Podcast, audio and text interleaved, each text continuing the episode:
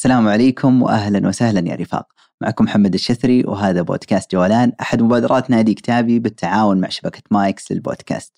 يقول البعض أن تاريخ الشعر العربي سوف يجلس محمود درويش بجوار المتنبي وامرؤ القيس وأبي تمام والبحتري. إحنا اليوم راح نتكلم عن الشاعر الفلسطيني محمود درويش. محمود درويش اللي تقريبا الكل يسمع اسمه لكن ليس الكل. يعرف محمود درويش حقا عن مراحل حياته في فلسطين ثم خروجه إلى موسكو ثم إلى مصر ثم إلى بيروت ثم خروجه من بيروت وغير الأحداث الكثيرة اللي مر فيها درويش.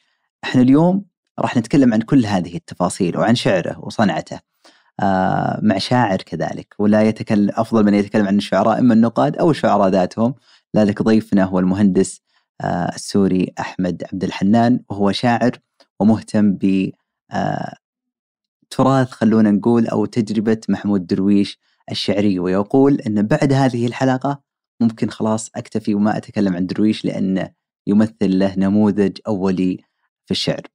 وأما الآن لتبدأ الحلقة.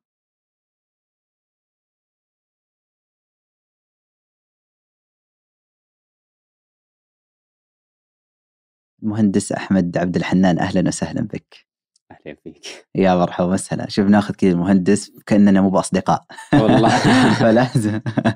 الله يحييك في أحد حلقات بودكاست جولان وراح نتكلم مثل ما تعرف عن شاعر القضية الأولى القضية فلسطين محمود درويش بإذن الله. وعلاقتك الشخصية مع محمود درويش. تمام. جميل. إن شاء الله تكون لقاء مثري وجميل. أنا متأكد لأن ما في جلسة نجلس إلا تجيب طاري درويش. فيلا خلينا نسمع الحين. لكن قبل نبدأ أحمد مقل في ال social media صحيح. في مواقع التواصل الاجتماعي وتويتر قريب ممكن عدت إليه وما لك إلا عشر تغريدات أو حاجة زي كذا. وبدأت بتغريدة قلت فيها لم يكن ترفا ذلك الاعتزال بل كان حاجة فالذي خرج من هذا العالم سابقا دخل أعماقه. والذي عاد إلى هذا العالم الآن هي الأعماق. أما هو فقد لحق بها باحثا عن نفسه. أنت افتتحت هذه التغريدة وكتبت تغريدة درامية. ليش اعتزلت العالم الرقمي؟ آه الموضوع مع العالم الرقمي يبدأ من بدايتي للقراءة يعني هذا الاعتزال. مبدئيا في المرحلة المتوسطة تذكر كانت في حبة البلاك بيري.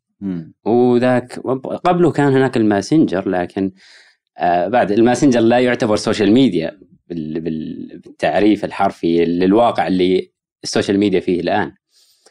كان البلاك بيري هذه بداية دخولي إلى عالم ال social media تقدر.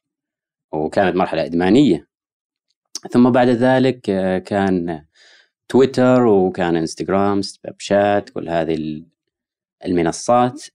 أنشأت حساباتي في ذاك الوقت يعني أنا. كانت تلك البداية. آه لكن لم أجد نفسي فيها. آه وكانت تلك الفترة تحديدا يعني تقدر تقول عام 2013 بين 2013 و 2015 أنا مبدئيا سافرت إلى سوريا في 2011 لإجراء عملية لرجلي. كانت عندي إصابة. آه وهناك كانت بداية الحرب الحرب في سوريا.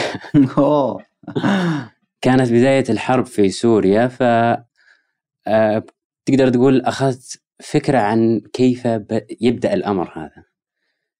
فكرة عن كيف الأمر آه، يبدأ الآن في سوريا. كان هناك ذكر إلى انتشار الشبيحة ذكر إلى أن الموارد الغذائية والغاز البنزين الاشياء زي هذه بدأت تقل في في في حلب. وأنا سفرتي كانت أسبوع واحد فقط. وأذكر أني كنت في الغرفة فقط يعني ما أقدر رجلي كانت مكسورة. مكسورة.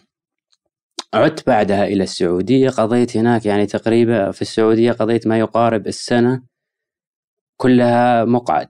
اني أنا كانت فترة الجبس شهرين وبعد ذلك كان عندي هشاشة في العظام وضمور في العضل. كوني قطعت فترة طويلة وأنا مقعد. جالس اي فتلك الفترة كنت ما عندي أي شيء أسويه.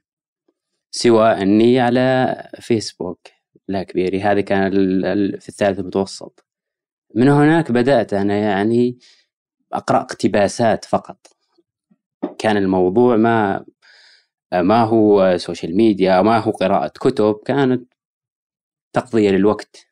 يعني هذه التعريف الحرفي.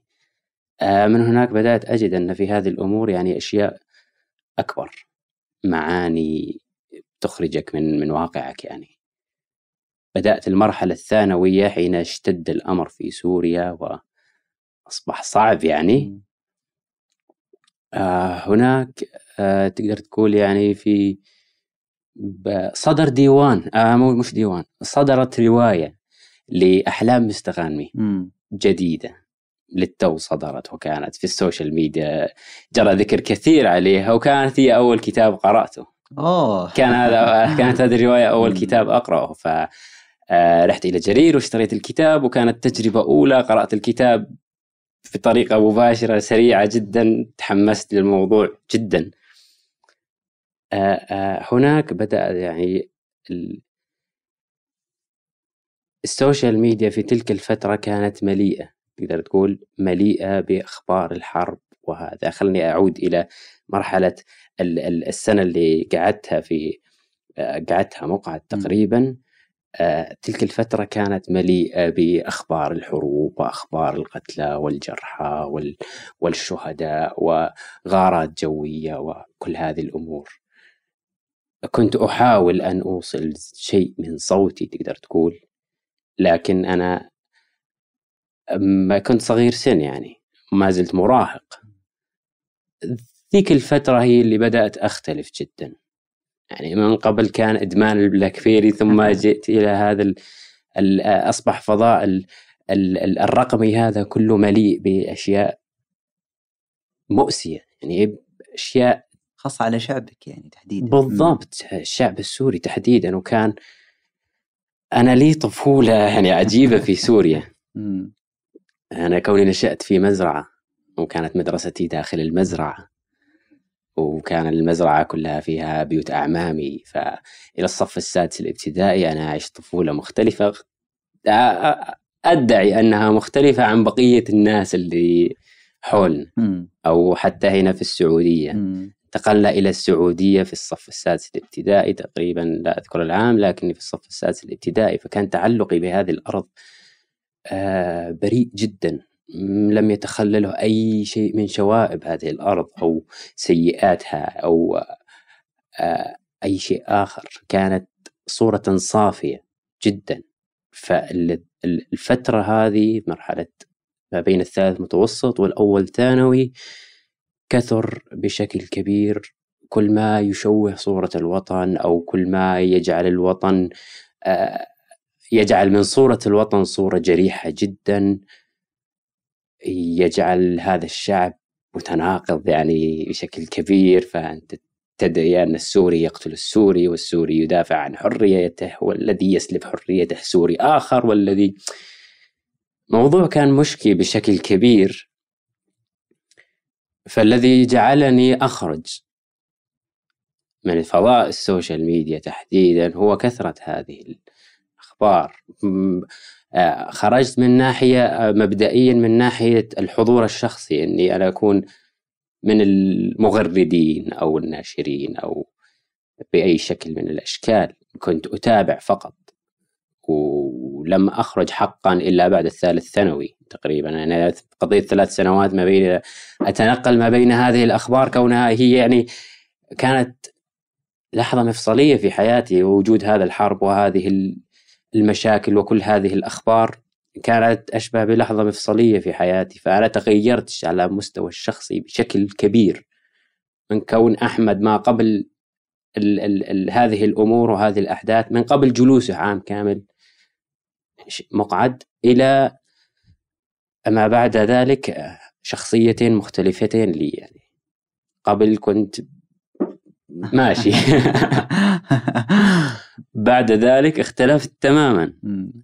بدأت في مجرد أنني أصبحت أشاهد الكثير من هذه الأخبار وهذه الأمور وأصبحت القضية موضوع أكبر وأصبح الحياة فيها أشياء مختلفة جدا. كانت الحياة لعب وله ذهاب إلى المدرسة وعودة إلى المدرسة أمور عادية جدا جلوس مع الأصدقاء. أصبحت الحياة حروب وشهداء قتلى أسئلة زي الحرية والنظام و ال ال ال الأشياء كثيرة. اختلفت الأسئلة يعني. اختلف المحتوى الرقمي على شكل كامل بشكل كامل يعني الذي كنت تجده سابقا. فهذا من الأمور اللي دفعتني إلى القراءة. انكببت على القراءة زي ما تقول أو أصبحت مخرجا بعض الشيء.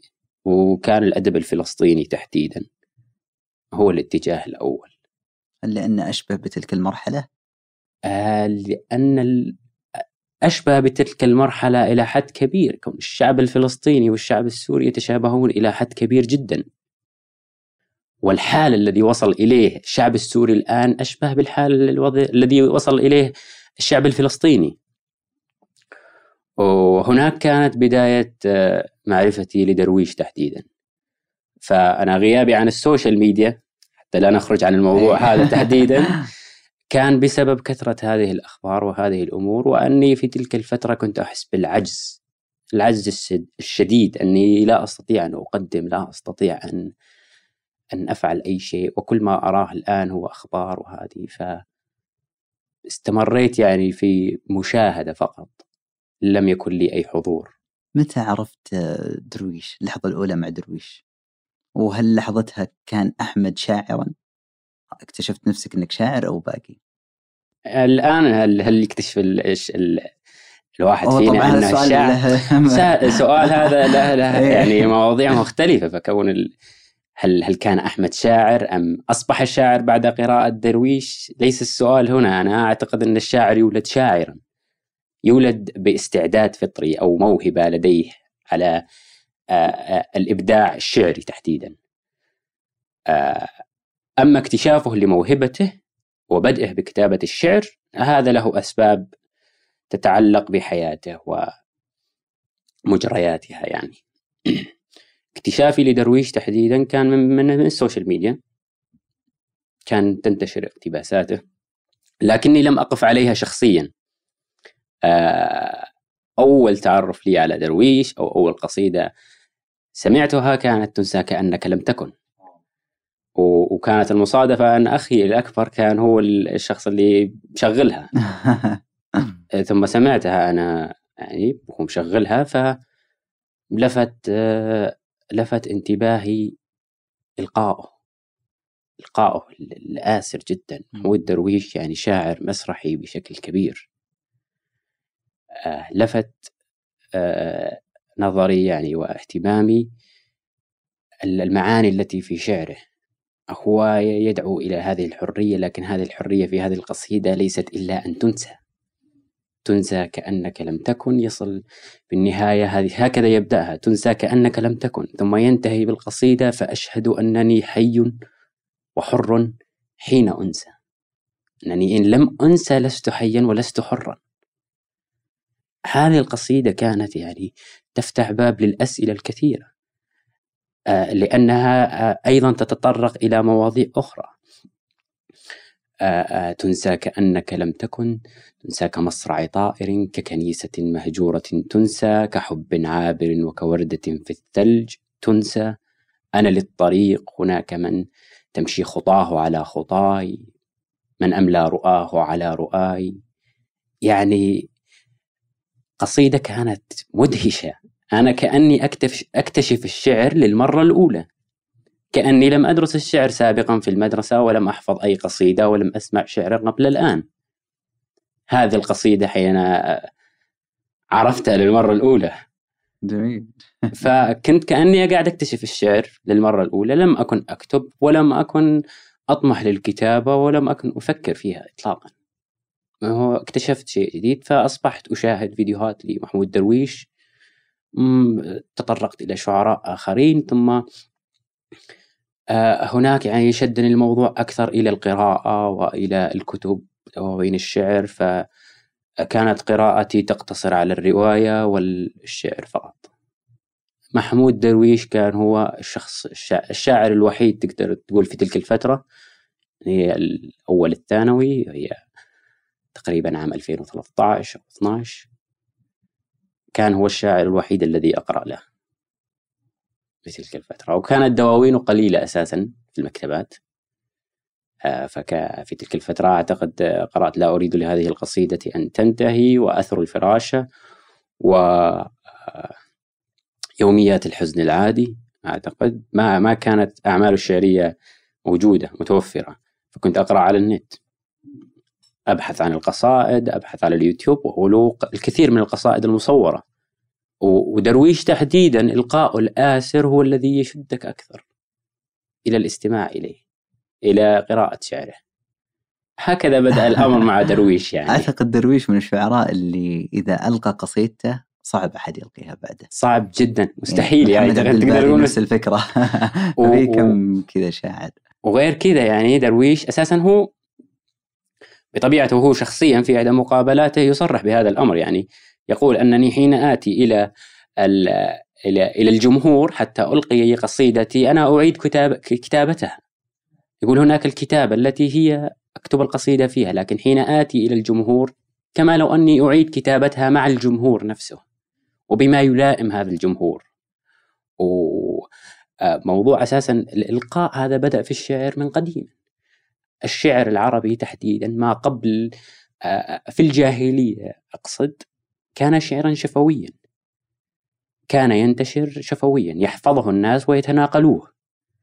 من هنا يعني كان إلقاء الشاعر لشعره شيء له أهمية كبيرة أكثر من وقتنا الحالي الذي تنتشر فيه الطبعات الإلكترونية ولا ورقية. في ذاك الوقت كان إلقاء الشاعر له أهمية كبيرة حتى إلى حين تعود إلى سوق عكاظ. كان يخرج الشعراء ويلقون شعرهم ويقيمون مش مش على أساس البنيان القصيدة وحدها ومعانيها وصورها فقط بل حتى على إلقائهم للشعر.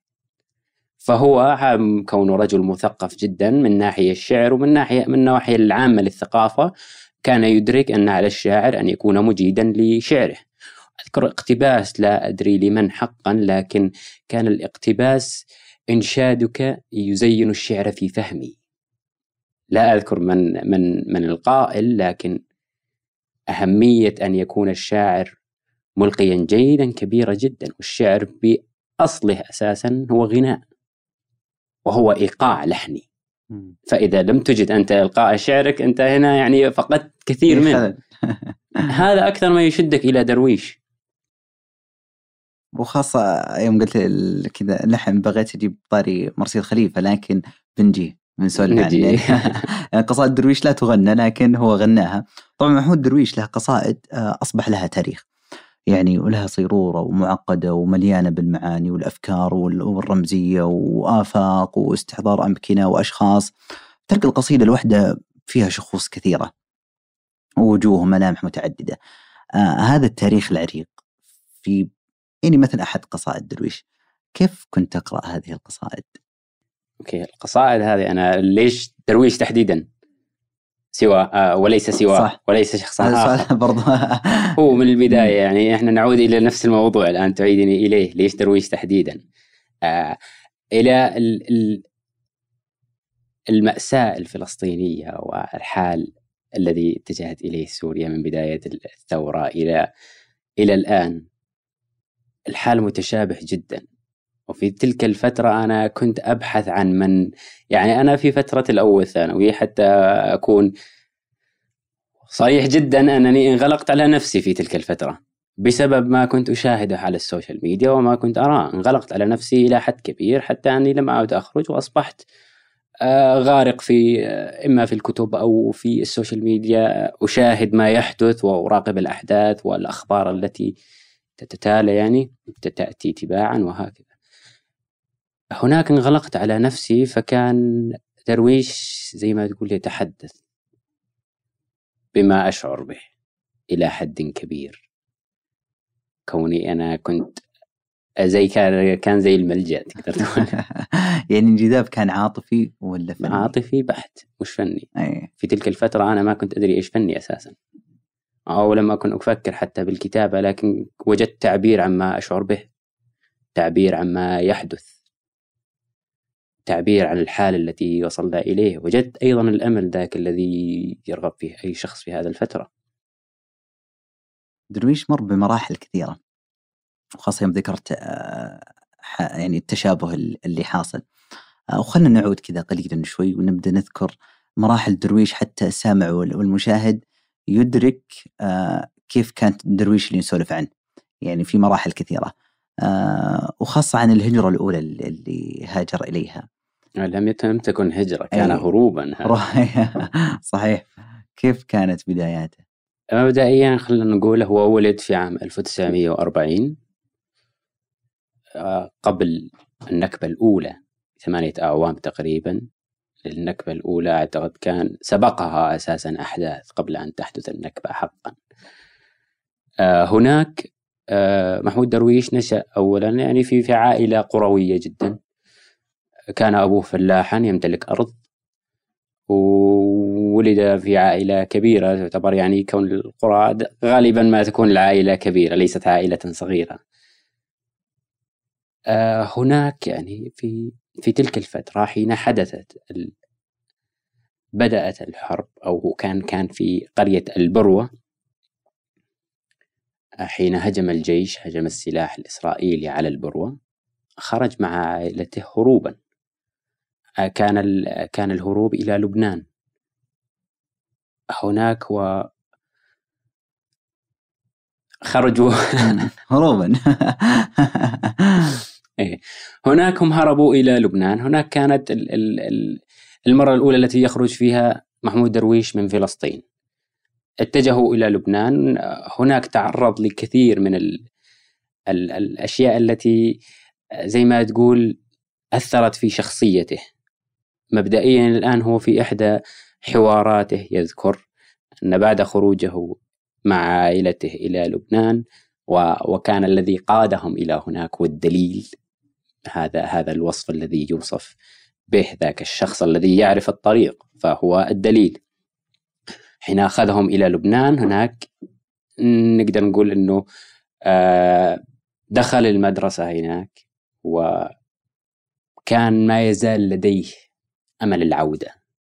كان يقول أنني في تلك الفترة كان يكبر في أمل العودة والسبب عدد عدا أنه يريد العودة إلى وطنه هو يريد آه، الخروج من من من تلك الحالة التي هو فيها لاجئ.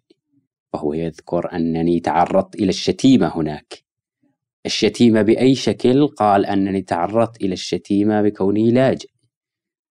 طبعا هذا له آثار كثيرة ولا نأخذها على منحى العام إنه هناك تعرض للعنصرية أو ما إلى ذلك لكنه تعرض إليها. ويقول هناك تعرضت للشتيمة للمرة الأولى فكنت آمل أن أعود إلى فلسطين حتى أتخلص من هذه التهمة. فعاد بعد ذلك. عاد أعتقد 1949 ممكن. فأنت تجد هنا الآن أنه هاج هرب. من فلسطين مع عائلته. وعاد هو لم يتجاوز بعد الثامنة من عمره تقريبا. هناك عاد ليجد البروة قد أزيلت تماما كأربعمائة قرية كحال أربعمائة قرية فلسطينية أعتقد. في تلك الفترة أزيلت تماما. وفي في البروة ذاتها أقيمت قرية يهودية إسرائيلية. فحين وجدوا هذا هذا مكانهم هذا قريتهم عقولهم أراضيهم كلها قد اختفت الآن. قيمة مكانها شيء جديد. هنا قتل حلمه الحلم بالعودة إلى ما كان عليه إلى طفولته. وعاش هناك طفولة يعني آه، طفولة كانت آه، فيها الكثير من الملامح الجميلة التي يتعلق بها أي طفل أو أي شخص كان يعني صغيرا أو كبيرا. فاضطر إلى اللجوء مع عائلته إلى القرية المجاورة. كانت كفر قاسم أعتقد أو لا لا لا.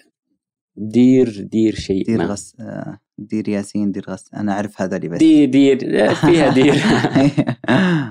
فيها دير لكن لا أذكر آه، الاسم بالضبط. فلجأوا إلى القرية المجاورة. هناك التحق بالمدرسة. وكان من المتفوقين. فهناك أيضا هو الآن عاد إلى فلسطين هروبا من تهمة لاجئ وتحقيقا لحلم العودة املا في تحقق هذا الحلم. فوجد أن القرية زالت واتجه الآن لاجئا إلى قرية مجاورة. وهناك كان متفوق في المدرسة ف كانت تنافسه إحدى التلميذات يقول على صدارة في الفصل. فهناك أطلقت عليه التهمة مجددا. التهمة الذي هو يصفها بالشتيمة أنه لاجئ. لاجئ. وهي قرية يعني وهي قرية جنب قريته. هناك قال أنا هناك في أحد حواراته يقول أنني للمرة الأولى أدرك أنني من الممكن أن أكون لاجئا وأنا داخل فلسطين. هذا صعب هذا موضوع صعب جدا. هنا نتشابه يعني. الآن تجد كثير من السوريين النازحين داخل سوريا يعتبرون لاجئين. والمخيمات التي هي داخل سوريا. يعتبرون لاجئين في أي مكان حتى لو كان يعني داخل سوريا. وهو هناك كان قرية مجاورة ومع ذلك تلقى عليه هذه التهمة. هذه من الأشياء اللي أثرت فيه, فيه شخصيا. أثرت على نفسيته وعلى تفكيره وعلى أهدافه بشكل كبير. نظرته للحياة وكل شيء بيتغير. بالضبط. هذه النظرة كلها ستتغير يعني. جميل. كم جلس في فلسطين ثم خرج؟ في الآن متى خرج بالضبط لا يحضرني التاريخ لكنه بقي إلى أعتقد ما يقارب الثلاثين من عمره. ومتى آه، بدأ قصائده؟ يعني متى كان محمود شاعرا؟ محمود بدأ يشتهر وبدأ يعرف هل داخل فلسطين ولا يوم خرج ولا الآن أنا موضوع. م. متى يصبح الشخص شاعرا أو لا؟ أنا أعود إليه أن الشخص يولد شاعرا. فلذلك هناك معالم أو أو أشياء يلحظها الشخص الذي يتابع يتتبع هذا الشخص أو يتتبع أحمد يتتبع محمد يتبع أي شخص. أي شخص كان يجد معالم الموهبة من طفولة الشخص. الآن درويش في في طفولته كان مقربا من جده وجده كان يصحبه إلى مجلس أحد اصدقائه هناك هذا الصديق لديه مكتبة. فكان جده يفاخر بأنه آه بأنه يجيد القراءة. هناك درويش قرأ تراجيديات أسخيليوس. كان يحضر له جده كلما عاد من السوق كتبا. هناك قرأ آه، نسخ آه، زي ما تقول نسخ مبسطة للأطفال. من من من نتاج شكسبير الأدبي. هناك بدأت قراءاته من هناك. متى كتب القصيدة؟ في أحد حواراته أعتقد ذكر أنها بالعاشرة كتب قصيدته الأولى. في العاشرة من عمره. هذا يعني أنه بعد مبكر, آه، مبكر لكن هذا يعني عودته. بعد عودته. بعد عودته من لبنان. بعد تجربة مريرة. بعد تجربة الشعر يكتب بعد تجربة كذا مريرة ما؟ يا حب يا ألم مثلا. لا. الآن يقال أساسا أن الإبداع يولد من رحم المعاناة. لكني أنا أعتقد لا يكتب من من هذه الناحية أو لا يصبح المرء شاعرا بهذه المعاناة لكن الدافع الأكبر إلى الكتابة هو صدمة عاطفية. يكون صدمة عاطفية. الدافع الأكبر إلى الكتابة صحيح. بيحاول الشخص هذا الاستشفاء بالكتابة أو التعبير عن ما يشعر به. هذا الإحساس الذي لا يستطيع تفسيره فيتجه إلى الفن. بأي شكل من الأشكال. أنا أعتقد أن هذا الدافع وليس السبب. دافع دفعه لكن السبب في كونه شاعرا هو ولد بهذه الموهبة. والأدوات التي اكتسبها في حياته كانت لغوية وأدوات كتابة بهذا الشكل جعلت منه يتجه إلى الشعر تحديدا سوى يعني الشعر تحديدا غير عن الأجناس الأدبية الأخرى أو الفنية الأخرى الشعر يتطور باعتقادي حلو ودرويش آه كيف كانت تطورها الشعري؟ مثل مرحلة فلسطين هو عاش في فلسطين. آه ثم في الاتحاد السوفيتي ثم في مصر ثم في لبنان خرج وعاد يعني في مراحل كثيرة. وين ممكن المراحل اللي يعني يعني مرحلة ينضج فيها الشاعر أكثر وأكثر؟ وكيف كانت أصلا يعني لو أخذنا كذا تسلسل تجربته الشعرية؟ التجربة الشعرية تمام أوكي. ناخذ تسلسل لتجربته الشعرية ونقول أنه بدأ الكتابة في العمر العشر سنوات. كانت قصيدته الأولى مبكر. جدا. فكان أعتقد ذاك لم يكن شعرا حقا. لكنه قال أنه كتب الشعر. أيوة. بهذا الشكل محاولات. ثم حين عرف عنه أنه يستطيع هذه لديه هذه الموهبة وهو في سن صغيرة جدا. حين كان في المرحلة المتوسطة أعتقد وهو لم يتجاوز الخامسة عشر أقيم احتفال للاستقلال الإسرائيلي.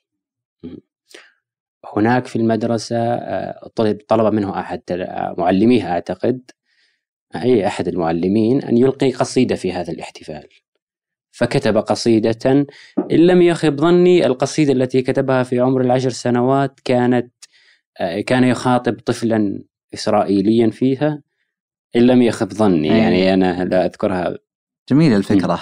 أي. و في عمر الخمسة عشر كانت هجاء لإسرائيل وكل من يو... كل من يعين إسرائيل. هناك قام وألقى القصيدة في محفل يعني كان فيه كل من في القرية ومختار القرية كان هناك. آه، وهناك كان وجه إليه يعني كان مختار القرية, القرية غاضبا منه غاضبا من كونه ألقى هذه القصيدة التي يهجو بها إسرائيل وقال أنه الآن سيعرضنا للمشاكل. ف ساقه المفتش الإسرائيلي مفتش العسكري أعتقد يسمى وأخذه وأنبه و آه، أنبه جدا إلى درجة أنه حتى هدده بأن أنا أنا سأمنع أهلك. سأمنع أبوك عن العمل وبالتالي ستخسرون لقمة عيشكم. درويش في تجربته الآن نعود إلى تجربته الشعرية ويقول أن هذا الحدث جعل مني شاعرا. يقول أنا مدين لهذا الحاكم العسكري. يقول أنا مدين لهذا الحاكم العسكري بأنه أعط بين لي قيمة الشعر وأهميته. وأن أنني حين عدت أن هذا الشعر ممكن أن يثير غضب الاحتلال ويثير غضب الحاكم الإسرائيلي هذا. ويؤثر فيهم يدعوهم إلى تهديدي وتهديد أبي بالفصل من العمل. هنا بدأت آه، أهمية الشعر لديه. الآن حين نعود إلى أمور أسبق يعني تسبق هذه المرحلة إلى أشياء دفعته إلى الاهتمام بالشعر أكثر. كان هناك ما يسمى بالزاجل الذي يأتي إلى القرية ويقول الزجل. هو نوع من أنواع الشعر النبطي نوع من أنواع التغني بالشعر. وكان هذا الشخص يعني رمز في القرية يعتبر. كونه يقول هذا الشعر هذا النوع من الزجل آه، متحدثا عن آه، العدو اليهودي الإسرائيلي. وكان يهرب كلما أتى الحاكم العسكري أو أتت الشرطة. يهرب. فكان هذا الشخص زي شخصية بطولية. فأعتقد هذا من بين الأمور الذي جعلته يهتم بالشعر أكثر.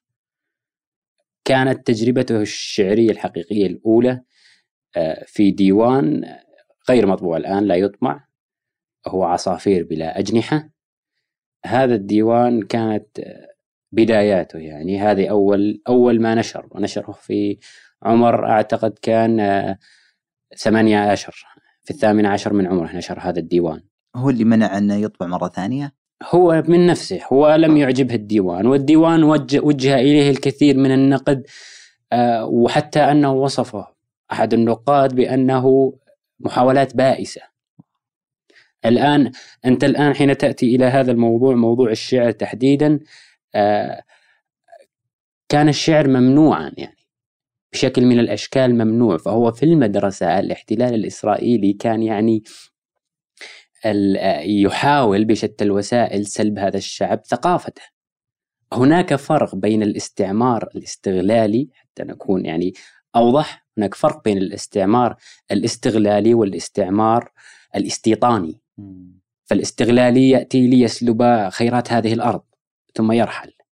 الاستيطاني يأتي إلى السيطرة على هذه الأرض والبقاء فيها.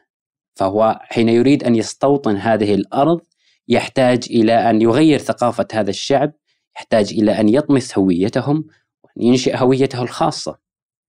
فمن هنا كان درويش مجبر في مدرسته من طفولته على تعلم العبرية على دراسة آه، كل ما يتعلق بإسرائيل وهدفها وهدف المشروع الصهيوني.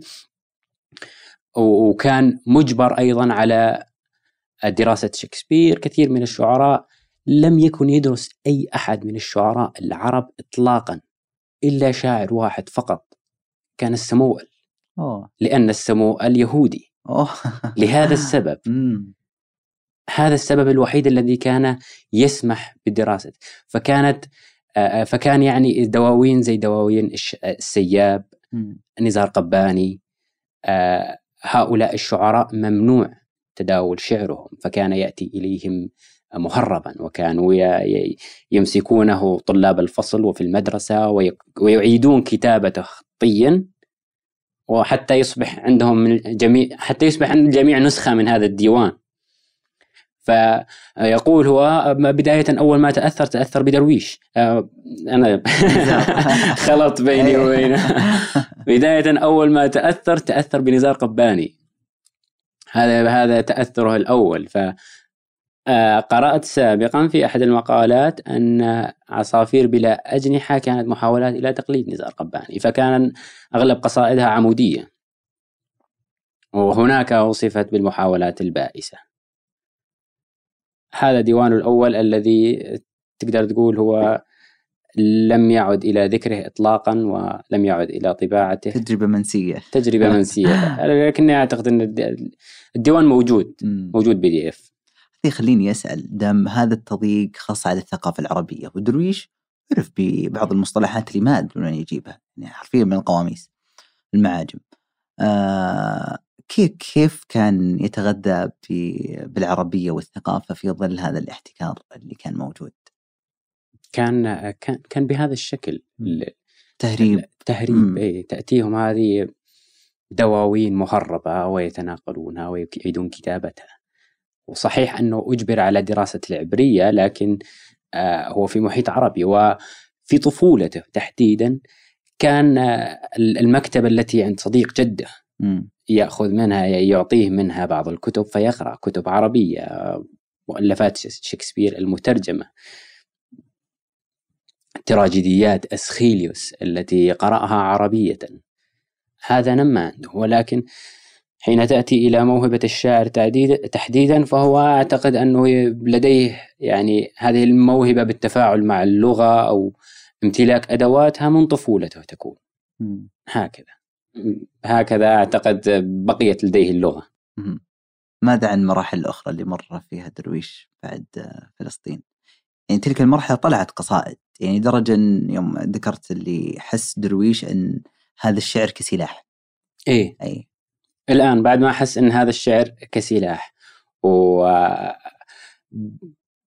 بعد أن نشر ديوانه الأول وتعرض إلى نقد كبير. فيه آه، اتجه إلى الكتابة وهذه المرة حاول أن يكون أكثر إجادة لما يكتب على الرغم من أنه بداياته بداية درويش لديه الك... في بداياته لديه الكثير من القصائد التي تعتبر رديئة يعني لا تصل إلى المستوى الذي. وصل إليه هو في آخر حياته. ف بعد بعد تجربة عص- عصافير بلا أجنحة التي لم يعد إلى كتابتها آه، لم يعد إلى نشره آه، أراد أن يكتب ديوانا آخر بعد أن جمع قصائده أراد أن يذكر اسم فلسطين تحديدا وهو كان ممنوع. مم. ممنوع حتى على ال على ال على الأحزاب المقاومة. ممنوع حتى على الجرائد المقاومة ذكر فلسطين لكنه كان يجري. فهو أراد أن يكتب أن ينشر هذا ال- ال- الديوان وهو عاشق من فلسطين. أو هو يعتبر الآن ديوانه الأول كونه السابق لم يعد. ديوان عاشق من فلسطين حين حين يذ- يذكر هو في أحد حواراته يذكر حين ذهبت إلى نشر الديوان إلى المطبعة وكان يمر ال- الديوان بالرقابة طبعا الرقابة العسكرية. وممنوع علي نشر ديوان بعنوان عاشق من فلسطين ذكر فلسطين ممنوع. فيقول أني كتبته بالعبرية. أوه. كتبت ال- الاسم بالعبرية. وفي العبرية أذكر أنه يقول أن فلسطين تعني إسرائيل. مهم. فكتب عاشق من إسرائيل. في العبرية هكذا تكتب لكنها في العربية عاشق من فلسطين. كتبها بهذا الشكل. هم يحاولون طمس الهوية الاسم كل ما يذكر بهذا الأمر.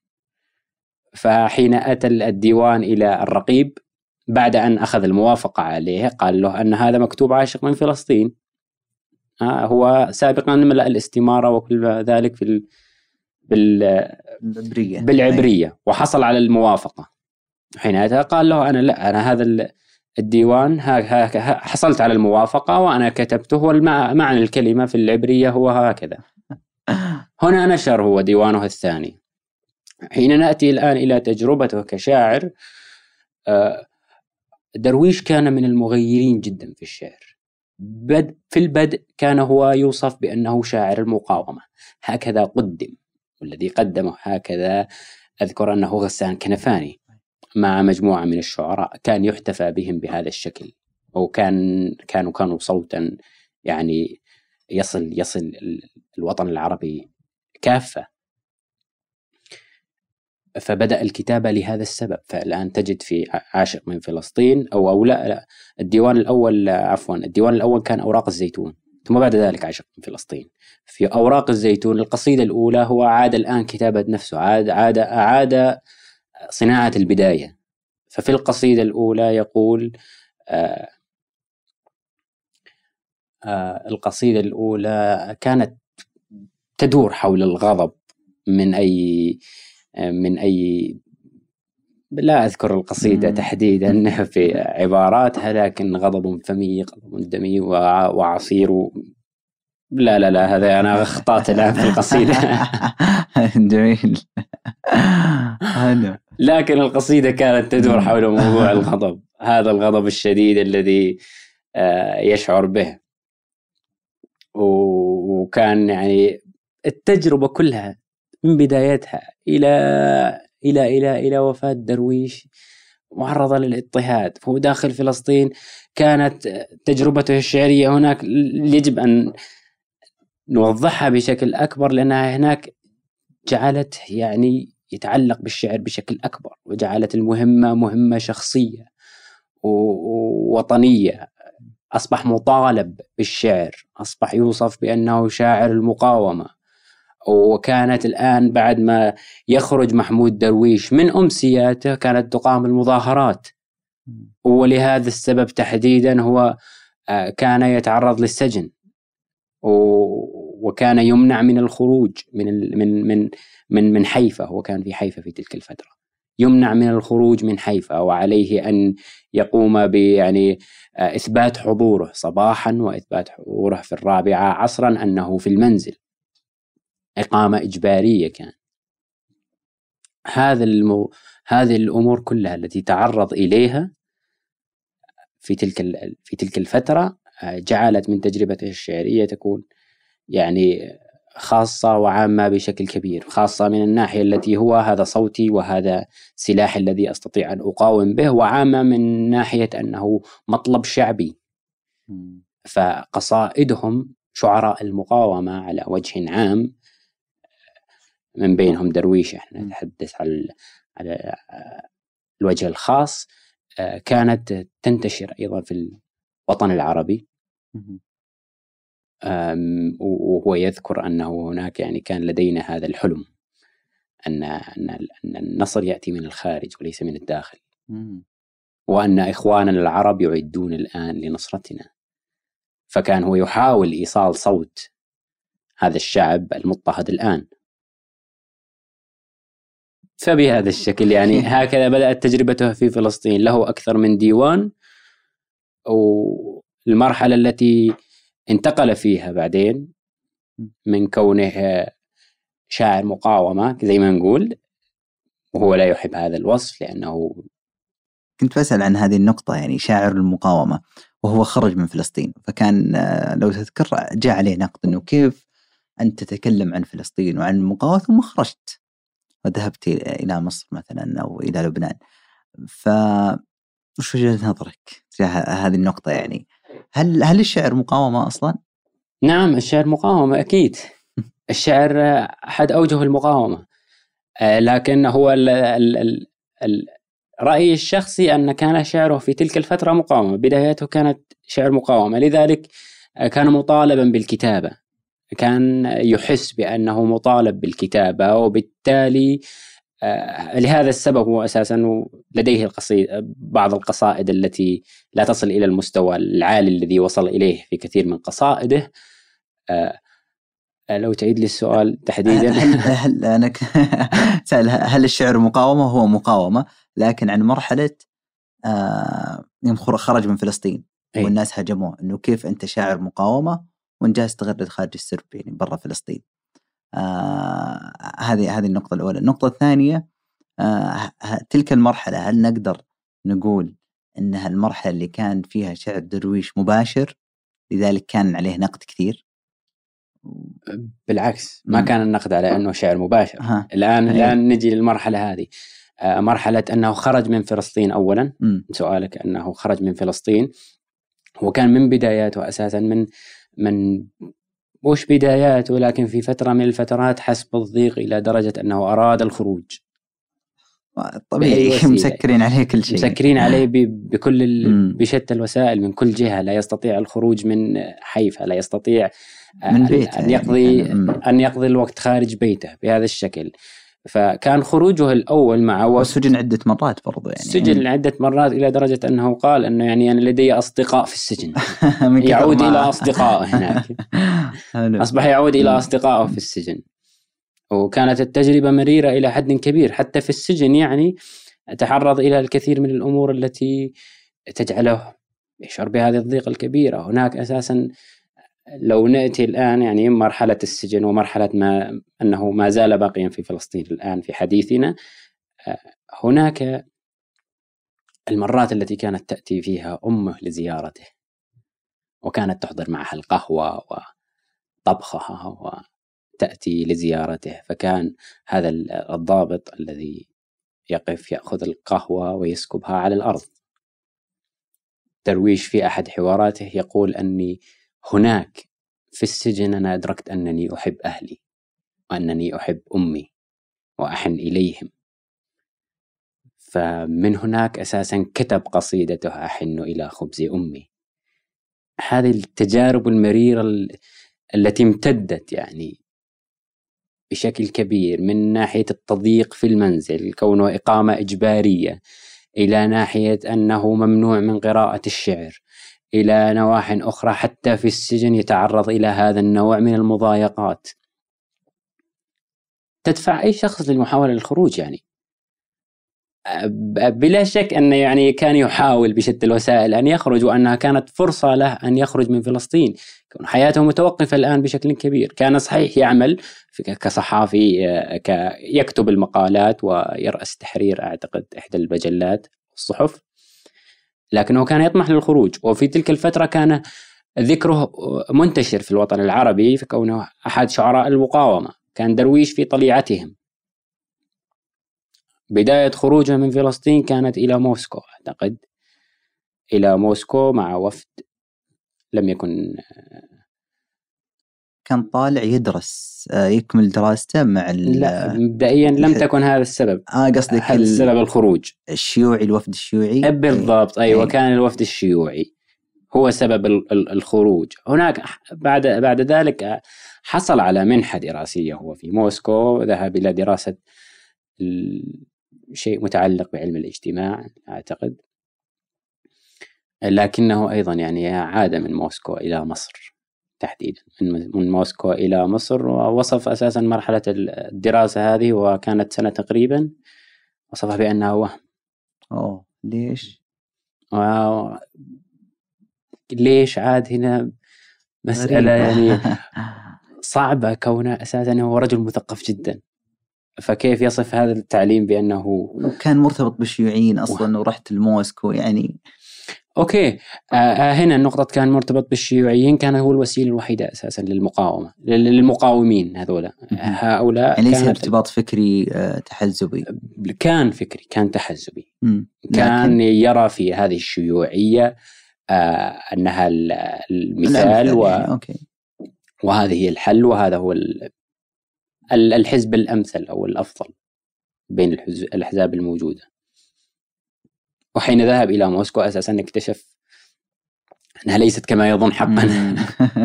مسألة ووجد أساسا أن الشيوعيون هناك أساسا يخافون. يعني شيء يناقض الشيوعية ويناقض فكرة هذا الحزب. جميل. طيب أنا برجع ليش وهم؟ يعني أستغرب أنه تخرج من فلسطين ويعني وكان مضيق عليك وهناك دراسة فكيت شوي مثل ما نقول. غريبة والله سماها وهم.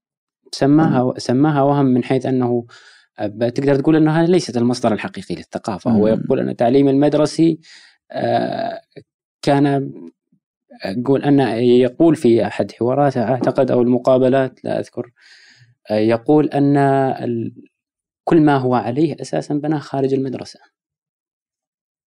فحين يتجه هو دائم. صحيح. وهو كان قد نشر عدة دواوين وحين ذهب إلى دراسة الدرا... إلى الد... إكمال دراسته العليا وجد أنه هذا هو ليس هذه هي ليست الوسيلة الحقيقية لاكتساب المعرفة. إحنا ندرس الآن اكتساب الشهادة وليس اكتساب صح. المعرفة تحديدا. هذا الواقع هذا الواقع. اكتساب الشهادة لأنها ضرورة في وقتنا الحالي لكن ليست لاكتساب المعرفة. اكتساب المعرفة تأتي آه، هدف شخصي واجتهاد شخصي. ممكن الدراسة الجامعة تعطيك مفاتيح. مفاتيح يعني بس أدوات. وأنت تكمل. بعد موسكو راح إلى إلى مصر. آه، قرأت المتن المجهول اللي اعطيتك إياه. استعرته ولا رجعته؟ شكله ما يرجع الله يستر. قرأت جزء منه صراحة لم أكمله. آه لكن كتاب جميل يتحدث عن رحلته في مصر من من من عودته إلى خروجه منها إلى تونس أعتقد خرج؟ لا ليس إلى تونس. إلى لبنان إلى لبنان إلى لبنان صحيح إلى بيروت. جميل. هذه المرحلة. مرحلة. اللي اللي يسمع ويرى الكتاب المتن المجهول آه، أتوقع نسيت اسم المؤلف ولكن يتكلم عن حياة درويش في مصر. واللي قليل أحد كان يذكرها. يعني آه، كتابة استقصائية تحديدا. هو ما طول أصلا في مصر وكتاب لطيف والله. آه عن عن مصر تحديدا. أو تلك المرحلة. مصر وقتها جاء درويش هي أم الثقافة العربية.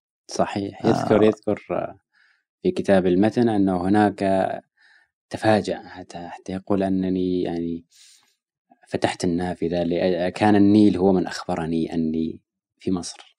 يقول فتحت النافذة وجدت النيل أمامي. يقول صدمت هناك أنك تتجول في في في في في بلد كل كل ما فيه عربي. الأشخاص كلهم يتحدثون العربية اللافتات كلها مكتوبة بالعربية أسماء الشوارع كلها بالعربية. هذا يعيدك أساسا إلى إلى فلسطين كيف أنه في في المرحلة السابقة كاملة أن إذا إذا صدم هو بهذا الوضع في في في, في مصر سيعيدك إلى البداية التي هي إلى أي حد يحاول ال ال ال ال الاستعمار الصهيوني هذا طمس الهوية وطمس العربية وطمس كل ما هو عربي طمس الهوية بشكل كامل فتجد أنه هو يتعجب من أسماء الشوارع التي بالعربية، أسماء المحلات الذي التي في العربية، أن الأشخاص كلهم عرب ويتحدثون العربية. هذا أعتقد أكثر ما لفت انتباهي في المتن المجهول. جدا كان في شيء كذا عاطفي إن حتى السياق إنه يقول انصدمت أقول انصدم من إيش؟ انصدم إنه مسك الجريدة وشاف لوحة المخبز ومدري بالعربي كل شيء بالعربي الناس يتكلمون عربي بالضبط. فشعور يعني آه، مؤلم قليلا. آه، عودة إلى نفس السياق. هذا السؤال مرة كذا وسيع وجالسين نتشعب فيه إيه. خلنا نحاول نختمه اللي هي متى كانت المرحلة آه، اللي نقدر نقول فيها أن درويش نضج؟ اليوم درويش يمثل مدرسة شعرية مستقلة. آه، وأحدث نقلة في في الشعر بعيد عن كل النقد الموجود. آه، متى كانت هذه المرحلة؟ أوكي. الآن مبدئيا درويش نتاجه الشعري كبير جدا ونتاجه النثري أيضا كبير جدا. آه، نستطيع أن نقول أنه نضج حقا. أنا شخصيا أقول حين أدرك حاجته إلى أن يكون شاعرا حقيقيا أكثر من كونه شاعر مقاومة فقط. ووصف بأنه شاعر مقاومة لكن أعتقد أن آه، في ديوان آخر الليل ممكن. في ديوان آخر الليل تحول درويش من تجربته السابقة التي كانت مباشرة يعني. كان يتحدث بطريقة مباشرة في شعره آه، وهو يذكر هذا في أحد حواراته أعتقد. أنه في ديوان آخر, آه، آخر الليل انتقل يعني إلى الرمزية انتقل إلى التحدث بلسان الآخر انتقل إلى جوانب كثيرة جوانب أخرى يعني أعمق من ناحية القصيدة. هناك كانت بداية هذا التحول أعتقد. تذكر متى الحقبة الزمنية شيء؟ أه لا. ولا؟ أعتقد هذا كان ديوانه الرابع ممكن أو الخامس. يعني هل نربطها بمصر؟ هل نربطها ببيروت؟ ولا تحس إنها في في هذه المرحلة؟ هي حتما ليست ما كان في. فلسطين مرحلة مرحلة هل هل كانت في مصر أو في بيروت؟ لا لا أعرف على وجه الدقة لكن مرحلة بيروت كانت لحظة مفصلية في حياته مم. من ناحية التجربة من ناحية الهدف من ناحية من ناحية النفسية حتى مرحلة بيروت الآن نحن نقول عن ديوان الآخر ليه أنه تحول فيه تحول من ال- ال- اللغة المباشرة من المواضيع التي كان يتطرق إليها مباشرة الآن أصبح يرمز وأصبح يتحدث بلسان الآخر حتى أنه وجه إليه نقد في هذه المسألة أنه أحد النقاد قال أعتقد أن الآن يحتاج القارئ العربي إلى منجم حتى يفهم درويش إيه. مرحلة بيروت هي التي كانت فيها نقلة نوعية في في على على الصعيد الشخصي هناك درويش يعني شهد الحصار في تلك الفترة شهد حصار بيروت وأيضا شهد ال ال الأمر ال- الصعب جدا وهو خروج الفدائيين وخروج المقاومة ال- خروج الفدائيين وخروج المقاومة من هناك من هناك يعني واحتلال إسرائيل لأجزاء كبيرة من أعتقد غرب لبنان كانت. أو جنوب جنوب بيروت. مم. آه، جنوب بيروت صحيح. آه، في تلك الفترة. حين في البداية هو لم يخرج خرج الفدائيين بقي هو هناك. ظنا منه أنه يعني آه، أن الذين مطالبين بالخروج هم المقاتلين. وهو شاعر. وقال أنني كنت أش- أشاهد ال- الجيش الإسرائيلي في الشوارع. وأعتقد يذكر أن ال أن ال أن ال- البيت الذي كان يسكن فيه كان جداره زجاجا فيطل على كل. على كل ما ما يجري في الشارع. في ذاكرة لل- للنسيان أعتقد يذكر بعض التفاصيل. يذكر أي هذه هذه الفترة. هو أعتقد أنه كتب ذاكرة النسيان تتعلق بهذا الموضوع بشكل كبير. آه، موضوع بيروت تحديدا في تلك الفترة. وكتب قصيدة أثناء خروجه من بيروت تحدث فيها عن بيروت. بشكل أوسع. تلك الفترة أثرها النفسي عليه كان عميق جدا. كانت هزيمة هزيمة كبيرة. يعني خرج المقاتلين الآن وبعدها أدركوا أنه علي أن أخرج الآن وأنا لست مشاعرا فقط. قالها بالحرف الواحد أنني لست شاعرا فقط. خرج من من لبنان اتجه إلى تونس في تلك الفترة. آه، إن لم يخب ظني كانت تونس. أجرى عدة مقابلات في تلك الفترة وشهادات كثيرة لها للصحافة كونه هو أحد الذين شهدوا الحصار حصار بيروت.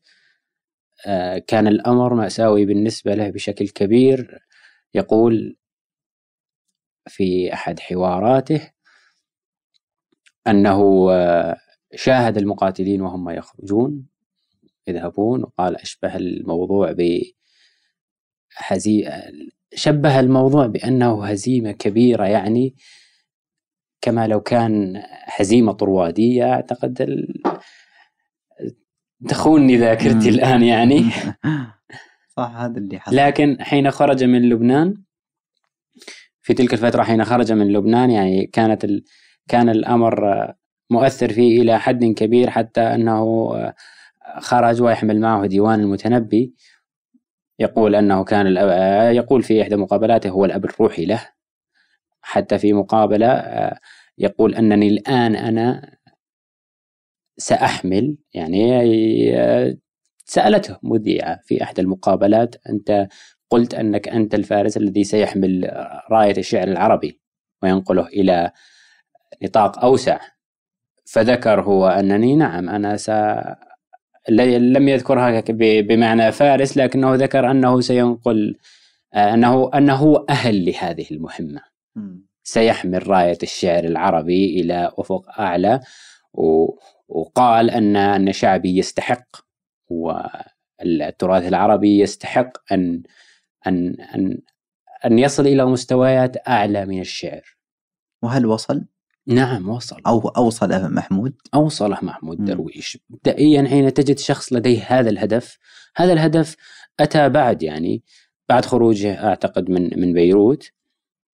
هذا الهدف أنه هو يحمل هذه الراية وأعتقد آه، هو قال أنني أول من قرأت له في أحد في أحد الحوارات يقول أنا أول من قرأت له هو المتنبي لكنه لم يتأثر آه، به في تلك الفترة.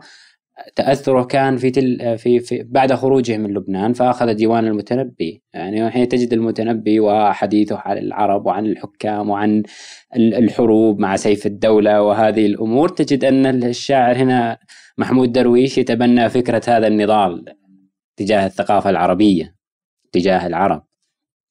لأنه كان يعتقد هنا قال أن هناك هناك هناك قال أن آه، هناك قال أن الأب الروحي له هو المتنبي وقال أنه رفيقي وأحمل ديوانه معي أينما ذهبت. تمام. لا ودي تكمل فكرتك. فكرتي أنه هناك فكرتي أنه هناك يعني آه، اختلف محمود درويش. مرحلة بيروت كانت لحظة مفصلية في حياته. نودي ندخل شوي على على درويش آه، كشاعر أكثر آه، لأن الحين أخذنا يمكن هو كشاعر وهو كإنسان ومرحلة حياته. آه، درويش يسعى للتحرر من فكرة الشاعر والرمز ومثل ما ذكرت يمكن هذه كان أحد أحد مراحله واللي أنت ذكرت نفس الوقت إنه انتقل درويش يوم تخلى عن هذه النقطة يوم قال أنا لست شاعر مقاومة أنا شاعر. وذلك يحاول إنه يخرج من الشاعر والرمز ودائم كان يقول آه نحن شعب مثقل بالأساطير والرموز. بالمقابل كان ولم يزل رمزا القضية الفلسطينية الإنسانية وقضايا إنسانية كثيرة.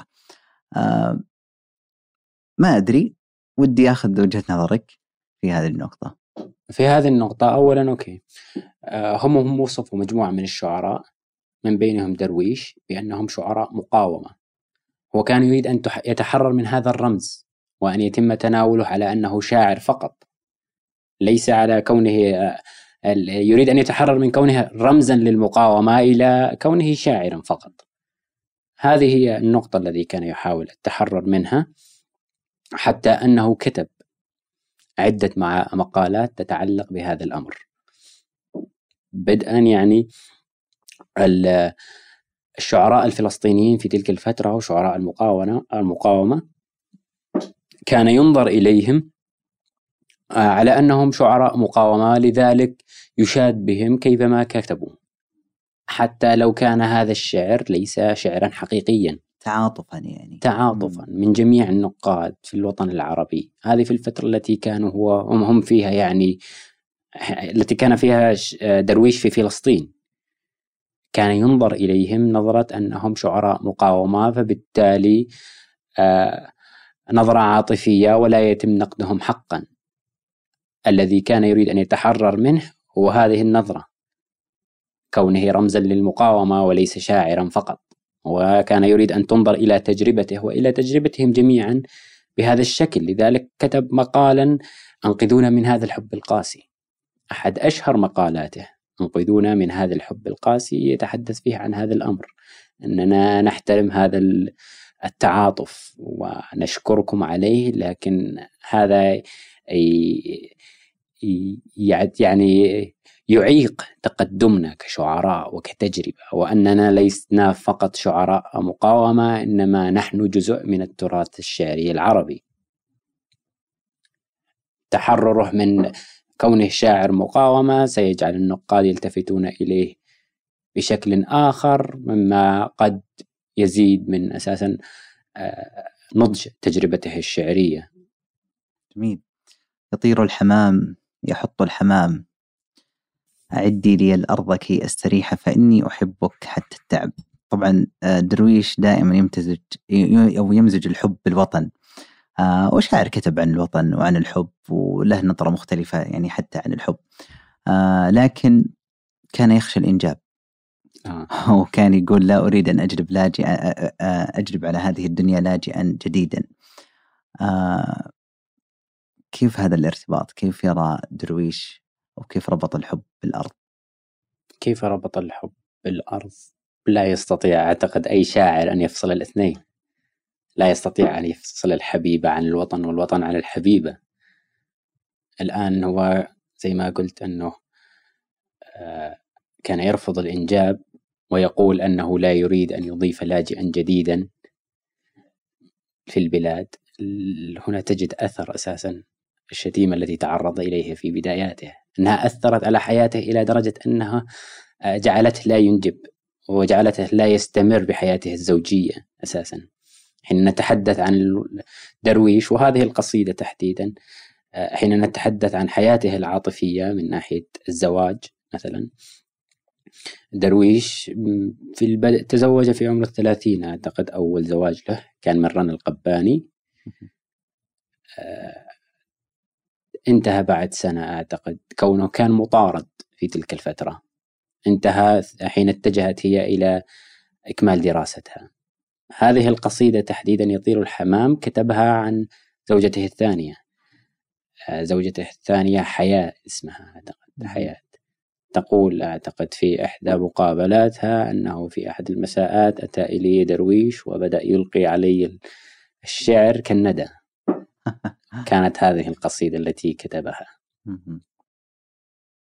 أذكر أني قرأت لكن لا أدري إذا كان الأمر صحيح أن انفصالهم كان لهذا السبب أنه هو هي تريد الإنجاب وهو لا يريد. لا أدري إذا كان الموضوع هذا صحيح يعني لكن أذكر أني قرأتها بهذا الشكل. كانت تنتشر الشائعات عليه أنه أميل إلى العزلة وأنه لا يستطيع البقاء متزوجا كونه تزوج مرتين ولم يكمل زواجه لم لم يبقى متزوجا. آه، آه، وصولا إلى نقطة أنه لا يريد الإنجاب هو حقا قال. لا آه، أنه لا يريد إضافة لاجئ آخر إلى البلاد. وقال في أحد مقابلاته أيضا أن الحياة المؤسسية تسلبها الشعر. كان شخصا مزاجيا يعني فيقول أنه فترة الصباح عندي تحتاج إلى صمت وأبقى لوحدي و...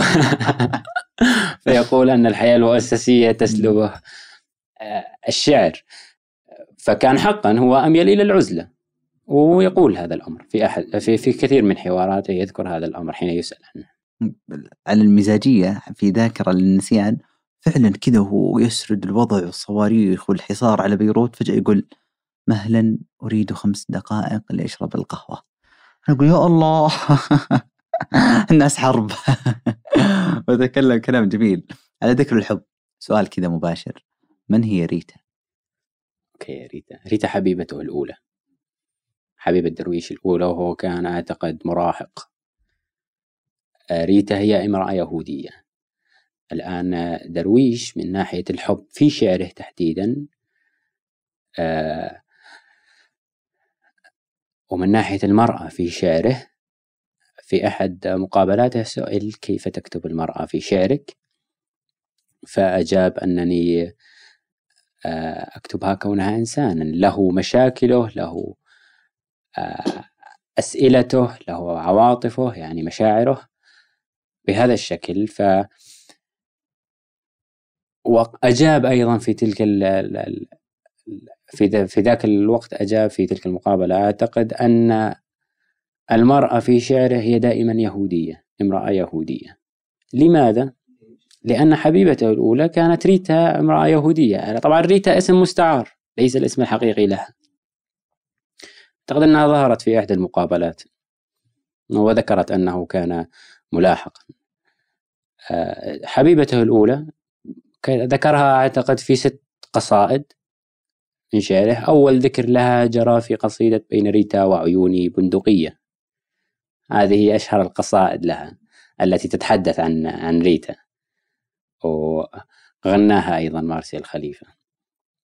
في هذه القصيدة يصف الحالة التي بينهم. يعني هما التقيا في حفلة في فترة مراهقته وافترقا حين حين خرج من فلسطين أعتقد أو في سن مقارب للثلاثين في تلك الفترة افترق كونه هو اتجه إلى الأب بالضبط أيوة افترقا بعد النكسة. بعد حرب النكسة. 67 في تلك الفترة افترقا. لماذا؟ لأنه هو اتجه إلى المقاومة بشعره وهي التحقت بالسلاح الإسرائيلي أعتقد. هنا يقول أنه يعني هنا يصف الموضوع أساسا بهذه البندقية التي بينهم. أعتقد أن البندقية موجهة إليه من ريتا هنا. ريتا هي حبه الأول وهي التي يصفها في شعره هناك المرأة التي يحب ممكن تكون زوجته أحبها زوجته الثانية أحبها ممكن يكون أحب أشخاص آخرين لكن ريتا هي الرمز رمز المرأة في شعره. هكذا يكتبها يعني. ما الذي أضاف أضاف في كتابة الحب تحديدا؟ درويش يعني كل عنوان يكتب فيه أو كل موضوع يضيف شيء. آه، ما الذي أضاف في الحب؟ في موضوع الحب أضاف أنه أنا برأيي الشخصي. إيه. أنا قراءة اليوم جبنا أحمد عشان يعطيها رأي شخصي. برأيي الشخصي أنه آه أنا قرأت في الشعر كثير. يعني لا لا أدعي أني قرأت كل الشعر ولا أدعي أساسا أني قرأت الكثير لكني قرأت من الشعر وقرأت من الشعر الحب وكونها أحد المواضيع التي أهتم بها كثيرا. لكن درويش في قصيدة الحب لديه تأتي مختلفة بشكل أكبر. الآن اتجه إلى قصيدة شتاء ريتا الطويل مثالا وهي آخر قصائد التي كتبت عن ريتا. وفي هذا الشكل الطريقة التي كتبت بها القصيدة تأتي على شكل حوار ما بين ريتا ودرويش. وهنا أساسا يؤكد ما قاله سابقا في أحد حواراته أن المرأة لديه آه، هي كونها إنسانا وحتى أنه ذكر قال للمذيعه في أحد المقابلات في في تلك المقابلة أنا يحتاج إلى اتعرف إليك حتى أستطيع أن أتغزل بك. هنا النقطة هذه أنني أحتاج إلى أتعرف إليك حتى أتغزل بك في قصيدة شتاء أريد الطويل آه، حوار بينه وبينه يعرف بها ويعرف بنفسه يذكر آه، أنها حين يأتي إلى ذكر مثلا على لسان ريتا يقول وتركت أمي في المزامير القديمة تلعن الدنيا وشعبك ووجدت حراس المدينة يطعمون النار حبك. قصيدة الغزل لا تأتي إلى كونها غزلا فقط تأتي إلى كونها قصة بين هذا الشاعر وهذه الحبيبة وحديث عن أفكارها وعن أفكاره وعن ماضيه وماضيها و حوار متكافئ بين الاثنين. ليست فقط غزلا يصف به هذه المرأة التي هي ريتا. هذا أعتقد النقلة النوعية التي كانت لديه في في في شعر الحب. وهو لديه هذه القصة قصة ريتا وقصته يعني أشبه بالأسطورة العاش الحب المستحيل. حتى أنه في في في القصيدة ذاتها يقول لي حصة من حكمة العشاق يعشق وجه قاتله القتيل. هذا الحب الذي بينهم. يا سلام. جميل. آه، درويش يقول آه، قصيدتي هي هويتي. لو لاحظت أنا سحبتك إلى قصائده ودي كذا شوي نتكلم عن قصيده. آه، رغم طبعا اللي هو قصيدته الشهيرة سجل أنا عربي. وهذا القصيده اللي لدرجة إنه في الأمسيات يلقيها ثم يفتتح بها الأمسية ثم يختتم بها لدرجة أنه صار يكره هذه القصيدة. أه ودي أسأل سؤالين. السؤال لماذا كره آه، محمود درويش سجل أنا عربي؟ وبنفس الوقت أه هو أعلن أنه انتماء إلى القصيدة يوم قال قصيدتي هي هويتي. مبدئيا قصيدة آه، سجل أنا عربي كتبها وهو في سن صغير أعتقد. لم لا أعتقد أنه تجاوز العشرين في تلك الفترة. قصة القصيدة أنه آه، ذهب لتجديد بطاقة الهوية وفي الاستمارة التي عليه ملئها عليه أن يذكر قوميته فقال لهذا هذا الضابط الموظف أو الضابط الذي يملأ هذه الاستمارة بأن سجل أنا عربي. قالها بصريح العبارة هكذا. حين نأتي إلى موضوع لماذا سجل أنا عربي وكيف تتقد فيه هذه العروبة يعني. وليس ولا يقول أنه فلسطيني كون الاحتلال الإسرائيلي جاء إلى فلسطين. نعود الآن إلى إلى ذكر آه، أن الاضطهاد الإسرائيلي والصهيوني هناك الشعب الفلسطيني كان نابع من كونهم عربا. يضطهدونهم على أنهم عرب ويضايقونهم يضايقونهم على هذا الأساس كونهم عرب. فقال آه فكان يقول أساسا أن الذي علمنا إحنا إحنا أدركنا أننا عرب الذي جعلنا ندرك أننا عرب هو الاحتلال والذي جعلنا ندرك أننا فلسطين هم العرب. أعتقد هنا نأتي للإجابة الأمرين. حين آه، تعرض للاضطهاد وهو ما زال في فلسطين لم يغادرها بعد. أدرك أنه عربي ولهذا السبب كتب بطاقة هوية يستطيع تبنيها الجميع وأخذها وحملها معهم الجميع. سجل أنا عربي ورقم بطاقتي خمسون ألف وأطفالي ثمانية وتاسعهم سيأتي بعد صيف. فهل تغضب؟ كان يغضب الإسرائيلي من كونهم عرب حتى حين يشتمونهم يشتمونهم بكونهم عرب. إلى الآن هذا الأمر حاصل في فلسطين. أعتقد حين خرج من آه، من فلسطين وخروجه الأول تحديدا إلى موسكو وجهت إليه انتقادات بأنه واتهامات بأنه رفع العلم الإسرائيلي وأنه آه، ينتمي إلى حزب إسرائيلي وأنه ينتمي ويحمل هوية إسرائيلية وبهذا الشكل قال هناك أنا تعرضت يعني وجد أنه أعتقد وجد أن ال ال لم اختلفت الصورة التي كان يدركها عن العرب حين خرج فلسطين.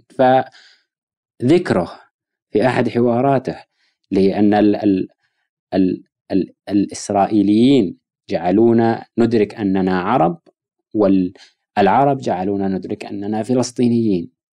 هذه هي الإجابة على لماذا سجل أنا عربي اولا وليس سجل أنا فلسطيني ولماذا كره القصيدة لاحقا.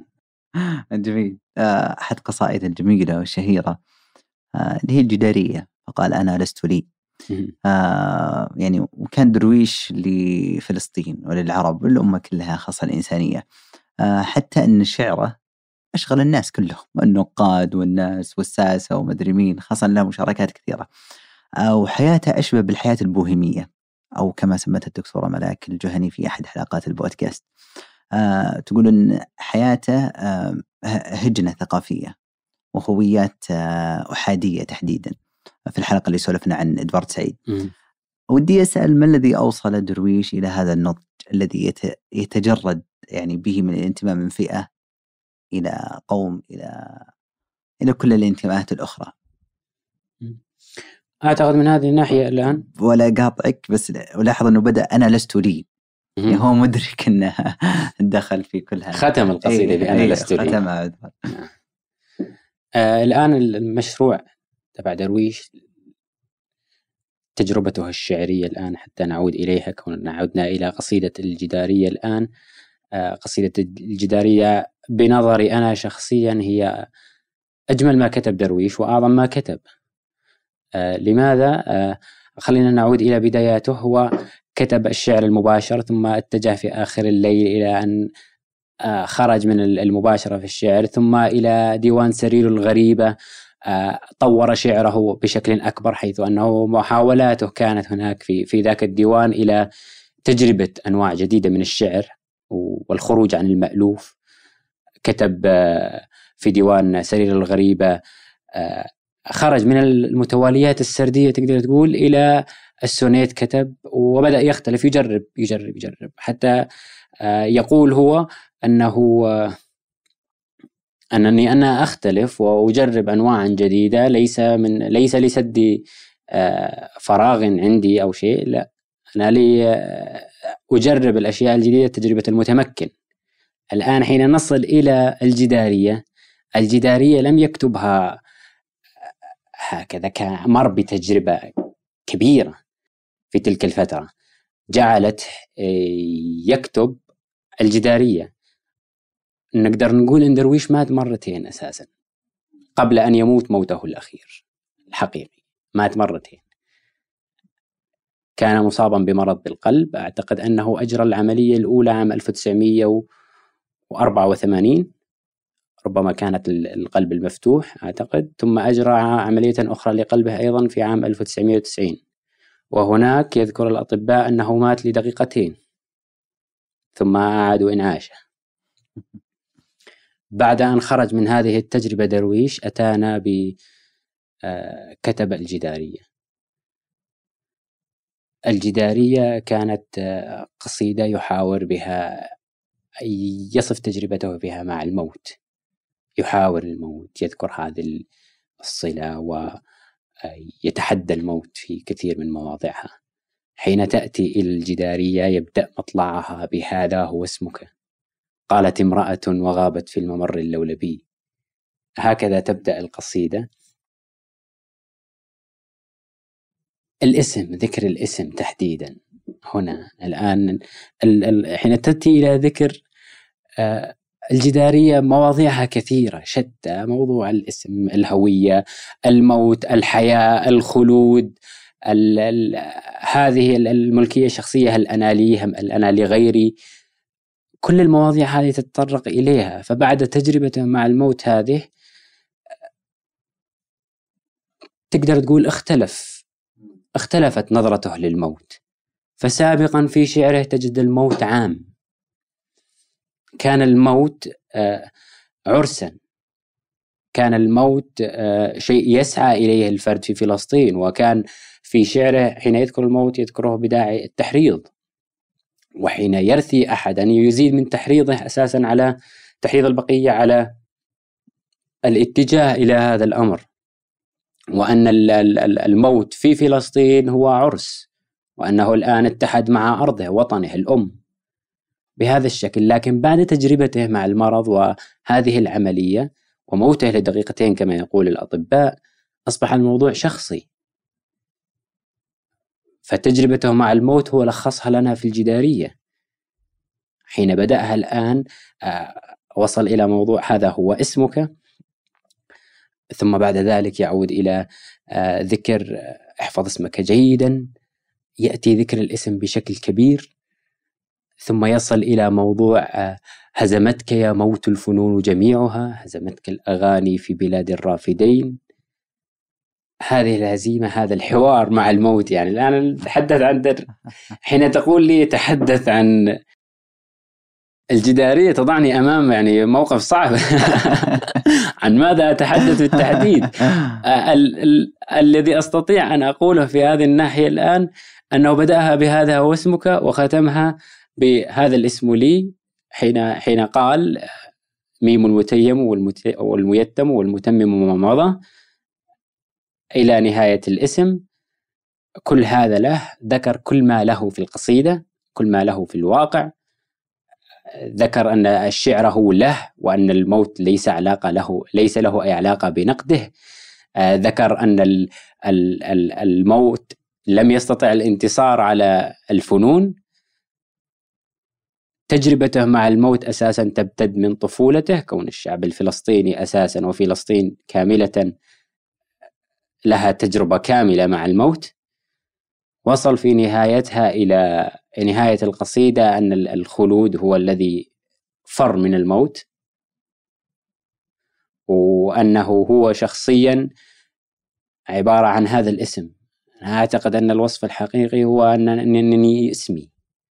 هذا الاسم لي. بدأها بهذا هو اسمك. انتقل إلى احفظ اسمك جيدا دربه على النطق مع الغرباء. لا تختلف على حرف فيه. يسمي سوف تكبر حين أكبر. الغريب أخو الغريب. هكذا يقول الأمر يعني هو. صناعة اسمه هذا هو نتاجه في هذه الحياة هذه تجربته هذا الاسم هو الذي له. أما هو شخصيا فليس لنفسه. تستطيع أن تأخذني أيها الموت يعني. هذه الفترة آه، التي خرج منها من هذا المرض منتصرا على الموت. جعلته يكتب هذه القصيدة. انتصر هنا على الموت فكتب يعني قصيدة عظيمة ما تدري إيش تقول عنها. وإحنا دائما القراء فينا هذا الشعور إنه يعني نحمد الله على استغفر الله انه الشعراء يعيشون مثل هذه الأمور حتى يكتبون. هذا والله. والله. هنا مريد البرغوثي آه، يرثي محمود درويش وهو صديقه آه، حينما قال وكأنه إذا مات أخلف ما وعد وكأننا لمناه بعض الشيء يوم رحيله وكأننا كنا اتفقنا أن يعيش إلى الأبد. هذه قصيدة, قصيدة عظيمة ذكرتها حتى رضوى في في أثقل من رضوى وهي تذكر آه، ارتباط محمود درويش بعائلتهم وارتباط مريد وتميم كلهم بدرويش. على المستوى الشخصي مثل هذه المواضيع يعني ما تمر مرور الكرام. آه، مثلا موت محمود درويش الذي ناهض وعاش لأجل فلسطين. آه، وطبيعة كل صاحب قضية يتمنى أن يعود إلى أرضه آه، وأن يموت فيها مثل ما قلت أن يتحد مع هذه الأرض الحب الأول. محمود مات في الولايات المتحدة. كما عبد الرزاق عبد الواحد مثلا يوم قالوا ليش جلست في عمان في الأردن؟ قال لي أكون أقرب إلى بغداد ولعلي أدفن في بغداد ثم مات في فرنسا. آه هذه الأمور آه مؤلمة قليلا آه وعلى ذكر الموت آه كيف استقبل العالم آه موت محمود درويش؟ خاصة أنه ليس شاعر فقط هو هو يعني شخوص كثيرة. صحيح هو كان شاعر شاعر يعني منتشر بشكل كبير أكثر من غيره. حتى أنه حين سئل كيف تجد نفسك هكذا كأنك أعظم شاعر عربي الآن. آه، قال أنني أنا فقط أكتب ما يكتبه الآخرون لكني أنا فقط أكثر انتشارا من غيرهم. في القصيدة التي قلتها الآن لمريد البرغوثي أعتقد تشابه كبير مع ما قاله سميح القاسم أيضا. عن عن درويش حين قال يسألون بيسألون أو يقولون لا أذكر لكن يقولون أنك أن الأمر غريب أن موتك غريب ووجه الغرابة أنك عشت وأني أعيش. هذا ال ال ال الأمر الغريب يعني أنه عاش. بنظر سميح القاسم. آه، موته كان الآن يعني هو مات في المستشفى أثناء إجراء عملية أخرى للقلب لكن هنا في هذا الوقت هو بنفسه طلب من الأطباء أنني إذا دخلت في غيبوبة افصلوا الأجهزة عني.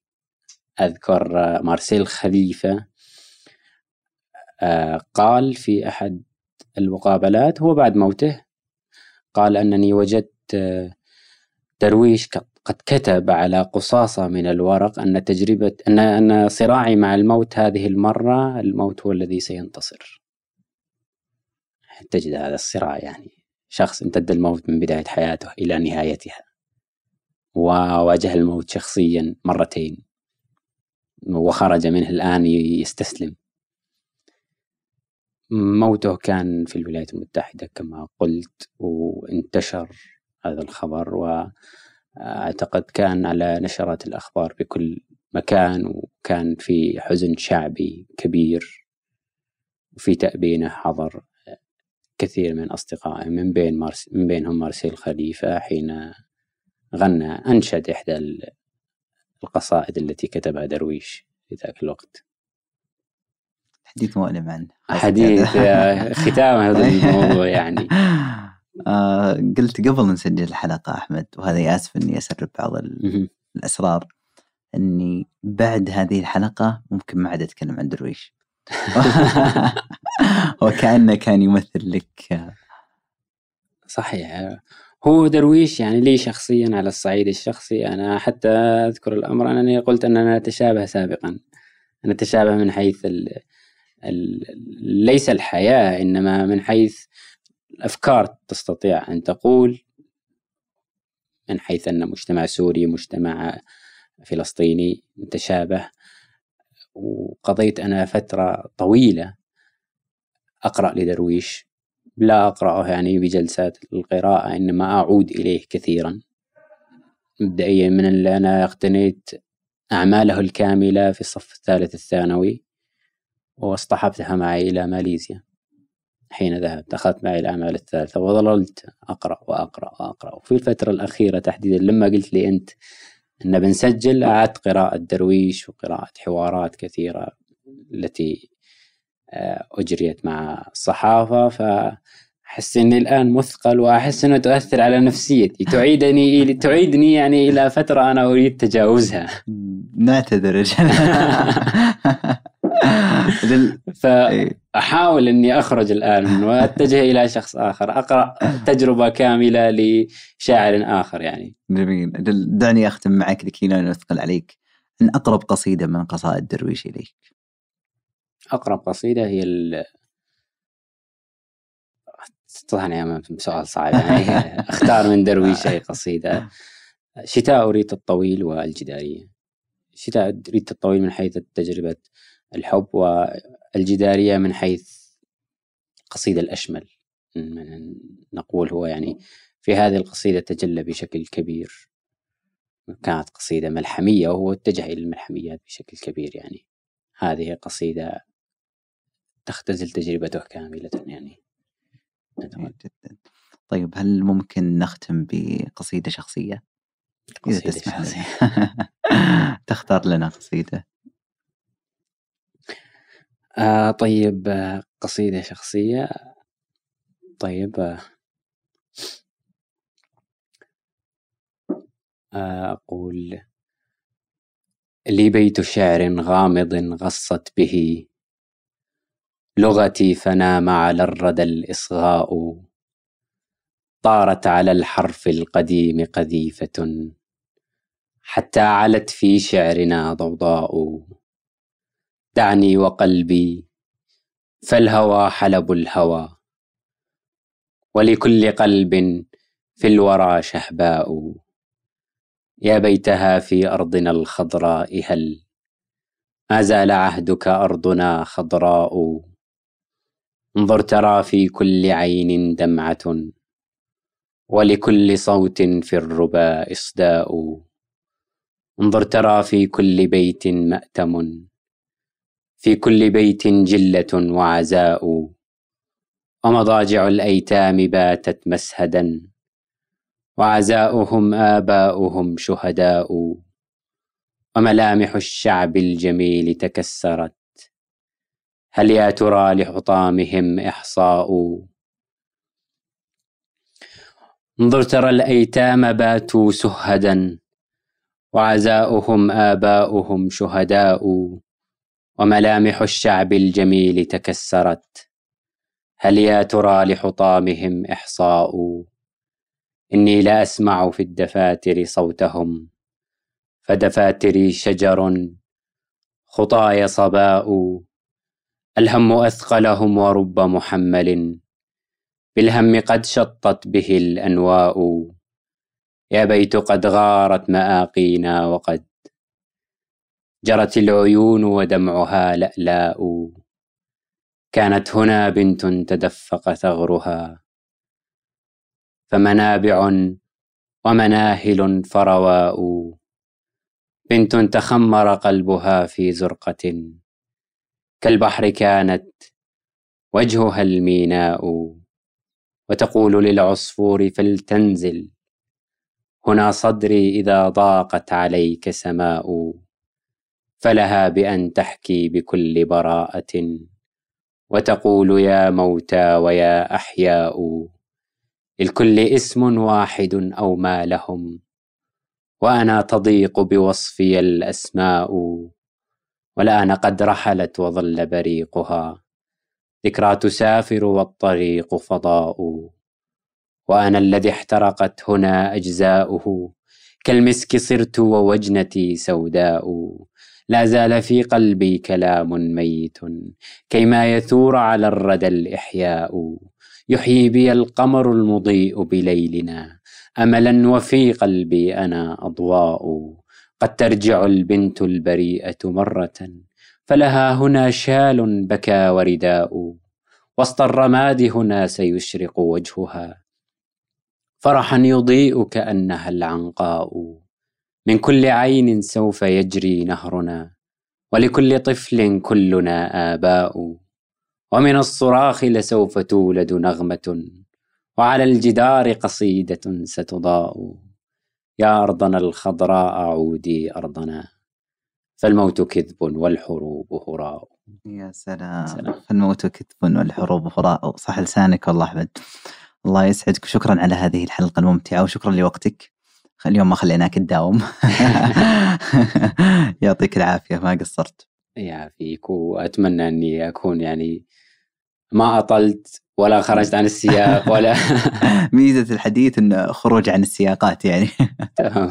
أنا كنت بسألك قبل أختم ما ودي أوقف قسم بالله وتنتهي الحلقة. متى كتبت هذه القصيدة؟ هذه القصيدة كتبتها في عام 2015 مم. في الصف الثالث الثانوي. تلك الفترة كانت هي الفترة التي تحدثت عنها أنا. إيه.